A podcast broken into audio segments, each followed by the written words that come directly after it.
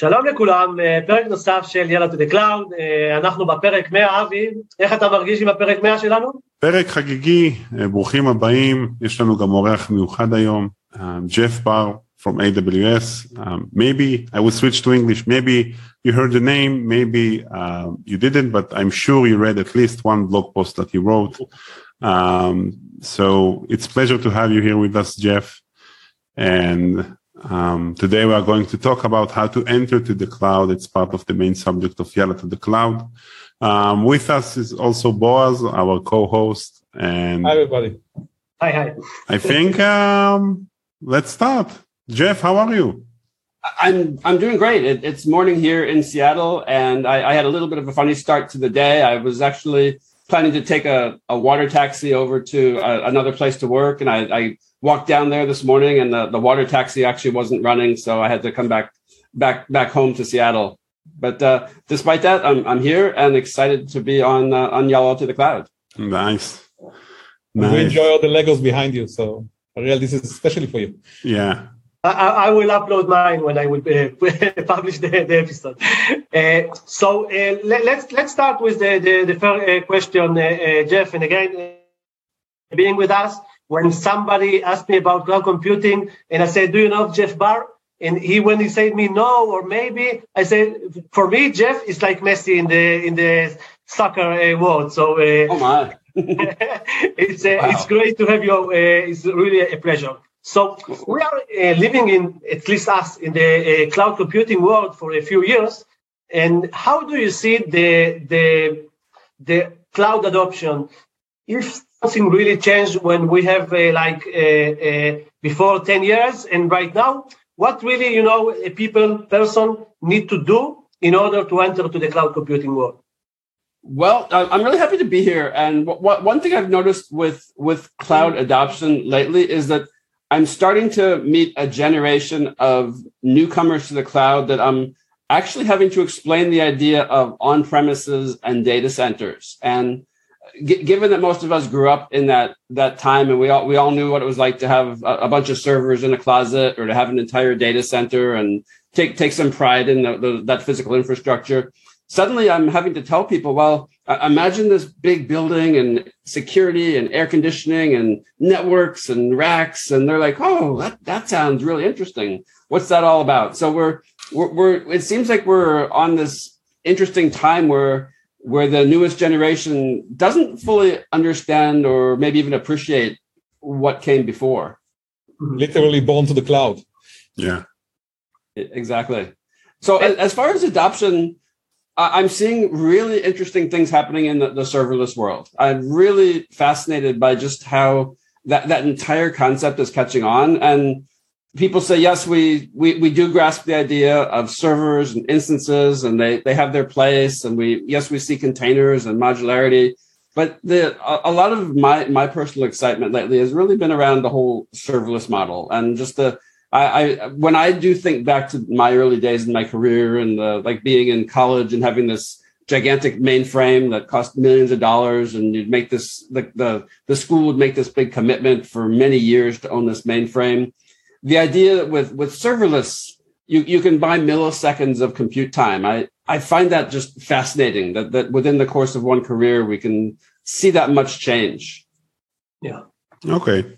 Um, Jeff, what would you recommend to uh, those who have difficulties with starting with the cloud or figuring out how it works or people that came from the on-prem world and they have hard time to catch up with the idea or the, the topology of the cloud?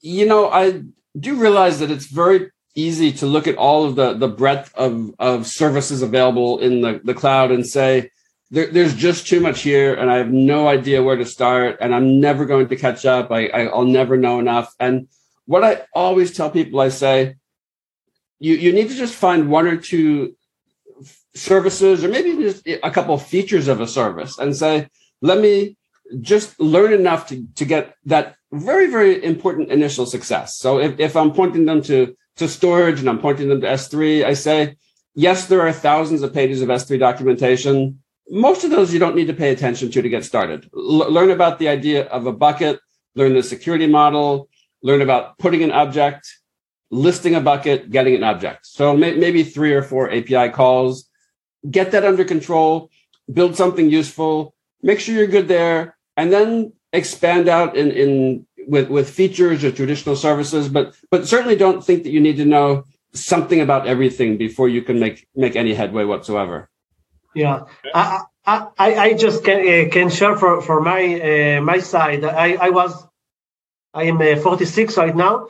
when I was uh, uh, uh, I started my career, I was a developer. So I changed a lot. I, I was like a full stack developer before 20 years, and and then I went to the database and I was a DBA for first the ADBA, but after that for a long time a system DBA. And when cloud computing started, you know, I said, okay, great, because there is a lot of, uh, you know, playing around with the the the, the developer and, and the system, and and it was great for me. And what I, I was really uh, uh, excited, and I wanted to understand everything. And I said, okay, okay, cool down. Start with the being like a, an architect, uh, the solution architect uh, uh, course that I took, and that that that was the main to to really, I think that the beginning should be understand what is cloud. Took really a few uh, services to understand them well, because you cannot also today understand what uh, what uh, or be expert around all the all the services that uh, they are. Exactly right. And to me, it's so important to when, when you're doing anything new, whether it's it's some some software or a hobby or a sport, that that small initial success that says you understand more than zero, you're on the right path, you've you've satisfied some initial requirement or or desire, and you're like, okay, I I I get enough here to to to see what what's going on, and and to then at least appreciate wow, there's there's just this vast universe in front of me of more to learn, but to say I I now know more than zero, so I'm I'm getting there. Yeah, and I think it's very much related. So one one of the most common uh, mistakes people are doing are trying to learn too many things at once. And I'm just wondering what other mistakes do you see people do when they try to get into cloud computing and maybe not only learning too much. Uh, I think, least for me, that makes a lot of sense to focus on something, probably something that is close to what you know from uh, from your on premise or previous experience. But do you see other mistakes people are doing when they trying to get into this new technology? Not well, not, I, I think people should pay a lot of attention to the fact that the cloud is programmable and that there's APIs for effectively every feature of the cloud. And yet, yes, there's interactive tools and there, there's consoles. Th- those are great for some experimentation, but you, you need to really think about the infrastructure as code model and say, I'll, I'll do a little bit of experimentation, figure out what I want with my interactive tools once I get it, I'm going to move to an infrastructure as code model as quickly as possible, make it really easy to set up all my infrastructure by running a template, running a script. I, I think that that model and and instead of thinking, well, I've I've carefully pieced together all these different things with a lot of pointing and clicking and, and typing. I'm not quite sure what I have set up, but it's working. Just better to very, very early on say, let, let me very, very explicitly design my infrastructure and put it together and and to prove out that repeatability very very early in your process. It, it's easy to say let me build it and then i'll move to a template based model later. But starting early with that is is one of the things i think is worthwhile. The other is also uh, pay attention to security from the beginning. Don't don't there, there, there's certainly a lot you need to learn in order to be feel very very comfortable with security but but don't flip that around and say I'll just leave everything wide open because it's just my own little app and I'll, I'll come back later and tighten it up. A little investment up front about learning the security models, learning how you regulate access, and then very carefully just enabling access as you need it is a, is a far better model than saying, I don't quite get it, but nobody's looking, so I'll just tighten it up later. There, there's there's a lot of regrettable situations. Always somebody looking. Yeah. Okay. Avi, uh, you see a lot of mistakes. What are the, the mistakes that you see here in Israel? Um, sometimes people that migrate from on-prem, they try to deploy the same idea of on-prem in the cloud. And it's a bit different because you have availability zones and you have built-in load balancers and some other services. Um, sometimes they try to avoid vendor locking or using um, or log themselves to S3. So they work with MinIO or uh, services like that. so they can multiply their environment to other clouds, but they work only with AWS and they will continue to work only with AWS for the next two years. Um, there's so many stuff that you see and you see this sometimes and you say, why didn't you ask before? Like it's, it's, it's broken. It's not going to work. It's not going to scale.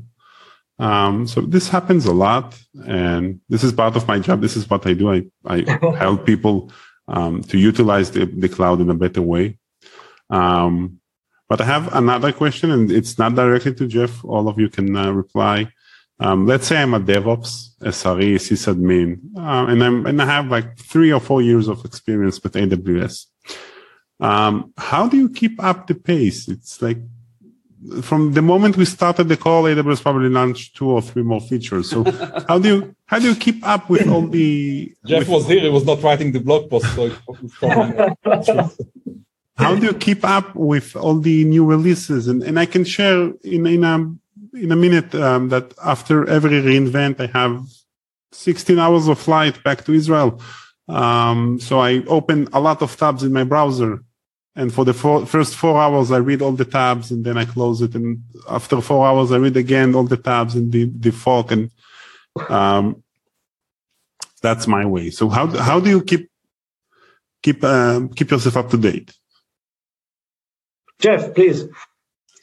Well, I, I, think that you have to be very careful about defining what up to date really means. I, I, think that if we were to try to say, well, the, the universe of things I care about in the cloud is, is all the services and all the features, I, I, don't know that anybody's brain is actually big enough to, to deal with that. I, I know mine mine certainly isn't. So I, would say that you need to practice some, some just in time learning where you are you're generally aware of the the power and the, the capabilities of each service and then a, as you embark on a new architecture building a new system you go back and you always refresh yourself and you you have to make sure that you know when, we're talking about uh, like network packets and dns we have this concept of a, of a ttl a time to live I, I think we have to have a time to live associated with all of the learning that we do around cloud services because the the very traditional model where you learn something and the the the the language, the system, the environment is just unchanged for years and half decades at a time.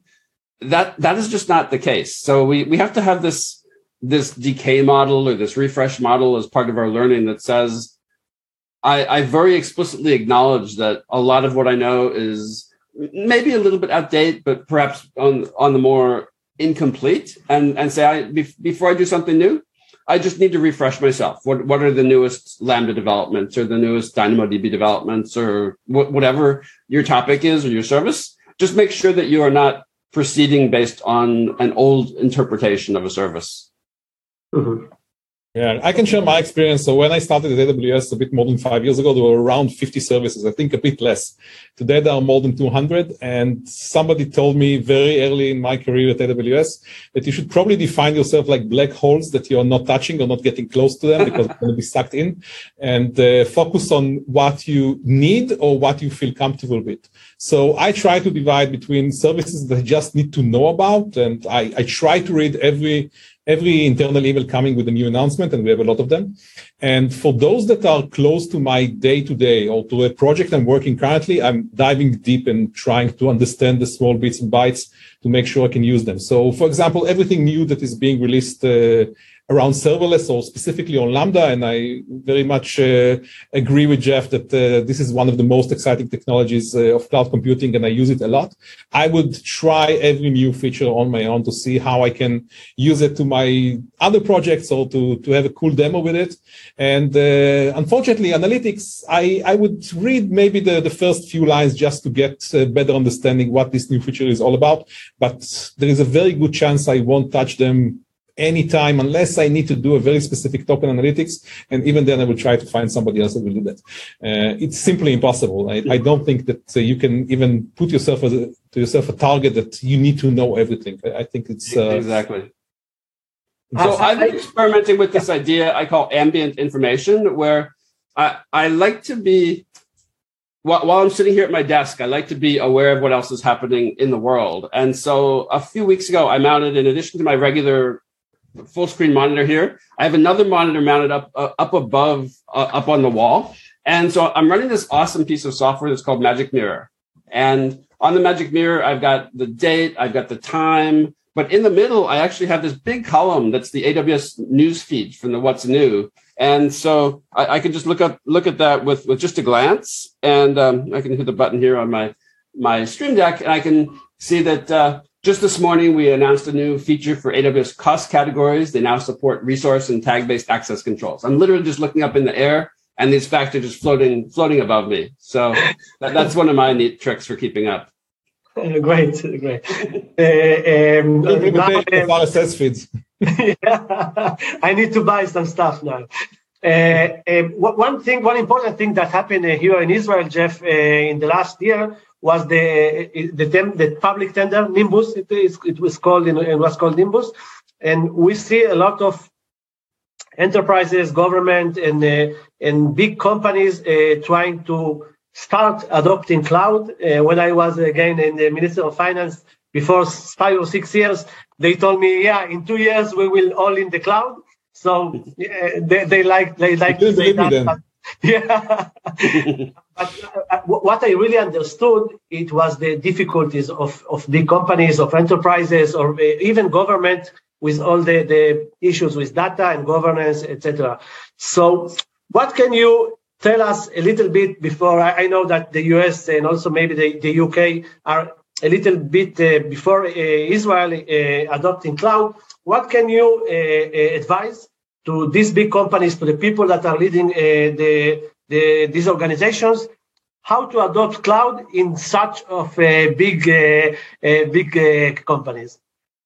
Well, I, I, think it's really important to look at the flexibility that you get and say there, there's so many different kinds of flexibility. You you you mentioned, for example, Nimbus and the the fact that we've got AWS regions and in so many different locations around the world, and that that's we we we talk to customers and they say, well, I I, I want to do my storage, I want to do my compute, I want to do my analytics, I want to do that in some specific uh, area of the world. The, the fact that we keep adding additional regions to AWS is, is something that the companies look at and they say, okay, I'm I'm perhaps I'm a company based in Tel Aviv, and I want to think about addressing customers in in uh, in Latin America. I want to address customers in the United States, for example. Being able to pick and choose regions and being able to have that control over this is where my data is stored, this is where I do all my processing is is a really addresses just a kind of a an early cloud misconception. The, the, it used to be that people would hear cloud and they would think, "Whoa,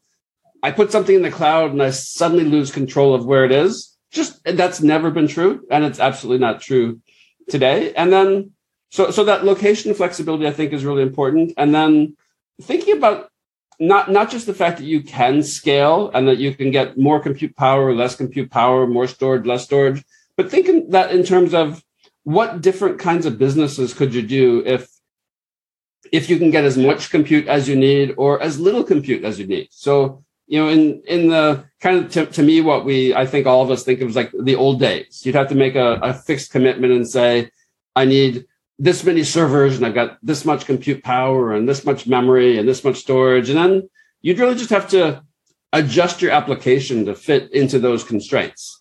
But the today's model is the opposite way around where you, you should really invent your application, use as much or as little of all those resources as you think you need and then let the cloud just expand or contract your resources in order to fit your application. So really inverting the the application to infrastructure constraint side and saying let, let's let the application decide what resources it needs. And, and, and Boaz, maybe you are uh, talking, uh, I think, uh, with a lot of uh, people here. What do you feel? What do you see? Yeah, so I I think that we need to acknowledge that it's slightly different set of challenges that enterprises and especially public sector customers have. And we were talking earlier about startups, about uh, those born to the cloud that they are not thinking about data centers and uh, they probably never went to one or enjoyed uh, being uh, being freezing inside a data center for several hours. This this is my my memories. So enterprises and the public sector customers have slightly different challenges. They have a lot of legacy. They have uh, uh, infrastructure, they have data centers, and uh, they need to need to look at this from a slightly different uh, perspective. I fully agree that uh, they, they, see the value in a very early stage. They understand the value of flexibility, the value of uh, having a very robust system. They can uh, scale in no time. Uh, they can change it. They can an experiment, which is super important to them. Some of them already to see the value of security. Uh, we, we heard some very interesting story from several public sector uh, customers in Israel regarding the capabilities of uh, security in the cloud, like protecting your uh, your assets uh, with uh, with WAF and other services that used to be a huge bottleneck. They required the experts that in many cases those organizations don't have and uh, they they starting their journey. And I think uh, what what I hear a lot and what I recommend a lot to those customers is to get uh, to get uh, help in terms of training, uh, in terms of uh, working with our partners, using Avi and and do it and, and other partners, of course, to help them to build the systems the right way. Many of them are thinking to start uh, like a basic lift and shift, just replicate whatever they're doing. I think Avi mentioned that. Uh, I'll, I'll, do whatever I've been doing with my data center. I'll just do it in the cloud. That's maybe okay for a very short term solution, but uh, I, I, think that building it the right way using the technologies that cloud provide can really really help them. And and we see this work uh, already happening. Uh, nimbus was announced i think like six months ago maybe a bit more. I, I don't remember. You, you, remember the exact dates. Yeah. but uh, we see a huge shift there and a huge interest uh, yesterday we had, we had an event with uh, a lot of public sector customers in Jerusalem. Uh, I only got the pictures. only got pictures. I, am sorry I'll, I'll, I'll, i know the marketing manager. I'll talk to her. Uh, so I think it's very exciting times. Uh, if most of my work, most of the people I was meeting uh, at the beginning of my career at AWS were startups and technology companies. So there are a lot of large technology companies in Israel. I see more and more enterprise SMBs public sector customers that are really coming and looking for information to learn and to get better and know what they are up to in the next uh, months and years. One thing that I, I can advise uh, uh, is to um, uh, we are I try to establish a CCOE Cloud Center of Excellence. Uh, also, we are working with the Bank of Israel, the Minister of Finance, and uh, some IDF units. And I think that some some companies the, the, or public uh, public sectors uh, um, doesn't understand the really the, the need of uh, of building a cloud center of excellence and I think that people should, uh, companies should do it more. It's a, it's a, I think a, a great thing to to to establish in, in organizations. Agreed. Every company that I've worked with that has put the energy into saying who are our early adopters, who are those that are leading the way that understand the cloud and who can n- not just adopt it first, but make some nice on ramps for the rest of the organization and, and put a nice wrapper around that and call it the cloud center of excellence. That they've really done done I'd, I'd say the, the best at, at at not not just the learning part, which is important, but the actual adoption and, and deployment into production. Yeah. I, I am like to be strict, so I I, they, I, I met uh, Boaz before five years. I don't, don't, remember, and also Rafael. I don't know if you remember Boaz, and they told me CCOE. I, I went learn. Okay, this is the best thing. Let's start uh, doing that. So uh, if if AWS advice, you should do it. I think at least uh, at least this. Yeah, I think the Minister of Finance is a very good example for that. Yeah, yeah. With a lot of yeah. buy-in from leadership, of course, that's super important as well. But I think it's yeah. a good example. Yeah. Yeah, it's absolutely essential to have that that leadership buy-in, and then I've I've also seen that leadership will make very aggressive statements about closing down data centers when when when they stop talking about well it's a three to five year thing and they start talking about well it's this many months or this many quarters that lights a fire under people and they say oh that's that's a very short time frame i, I can see that far into the future I, i'd better actually start really working to figure out my my migration plan to the cloud yeah Avi, we talk we talk about enterprises. You you, you didn't talk now. Avi doesn't like enterprises too much. Yeah, it's a lot of paperwork. and I, I I came back to Israel this morning from a conference in Germany, um, for plenty of uh, on-premise companies and uh, Seagate were there, Western Digital were there. So yeah, I had the, the pleasure to um, remind myself why I don't like enterprises. um, one last thing, Jeff. Um, I believe you have a global view on the use and adoption of AWS services. Um, do you see any trends in the adoption of, the, of different services? I, I don't have a way to to really kind of put together like a matrix that says this part of the world is more into ML and this part is into data, databases and containers and serverless. But it's if if anything interesting has happened over the last two years is that there, there's been a, a, bit of a leveling where where people all over the world are no longer thinking, well, there, there's a few tech centers that I need to flock to in order to build a career and to, to be successful in, in tech and in the cloud. People are saying wherever I happen to be, I'm going to figure out a way to get some connectivity, to figure out where, where I can learn and to, to build something, do something, and, and to, to succeed and grow. Mm-hmm. Okay. Boaz, in Israel, do you see some, some uh, services that are more, uh, you get more questions? Uh, containers in general are, are, a huge topic. I think Avi will agree with me. Uh, uh that that's definitely something that we see with a lot of companies from all, by the way, all, all segments. Uh, we, we, see con- containers in banks and of course in, in startups. Machine learning, uh, obviously super popular, super important. Every organization I'm talking to, every organization is trying to figure out how to get the advantage of machine learning into the organization, how to turn this data they've been collecting for years and been lying around and maybe some very basic BI inquiries were running on it and create like real gold out of it. Uh, I, I, think those are the top two. Always like storage compute is, is always there. But if you're looking for, for trends, for what people are talking about, for popularity, I, I would put those two. Uh, serverless uh, is another one. Uh, I'm sure there are others, but I hear a lot of, about those technologies. Okay. Uh, Jeff, may, may, maybe uh, last words for, for, you to the Israeli, uh, or Yalla to the cloud. We are more DevOps and, uh, and crazy people. Something from you to us. Say again. I didn't quite get. Your... I, I, said that we in, in Yalla to the cloud are more, you know, DevOps and uh, community uh, podcast. So maybe just a, a few words from you uh, to close the, this oh, wow. episode. Um, c- community is so important. Community is one, one of the really amazing things that, that grows up around successful technologies. And the interesting thing, I think, is every technology provider wants to have a community. And it, it's such a delicate thing to, to construct because you, you certainly want to do what you can as the provider to organize a bit of a community and encourage it to grow, but you have to be a very, very sensitive and really, really say, let, let's let that community take on a life of its own. I, I'm, I'm a very big believer in things like, like tech user groups and meetups and wonderful places to get together, to learn, to find that you're not the only person that, that's brand new and trying to get your head around something that, that's really interesting and compelling, but perhaps a bit complicated.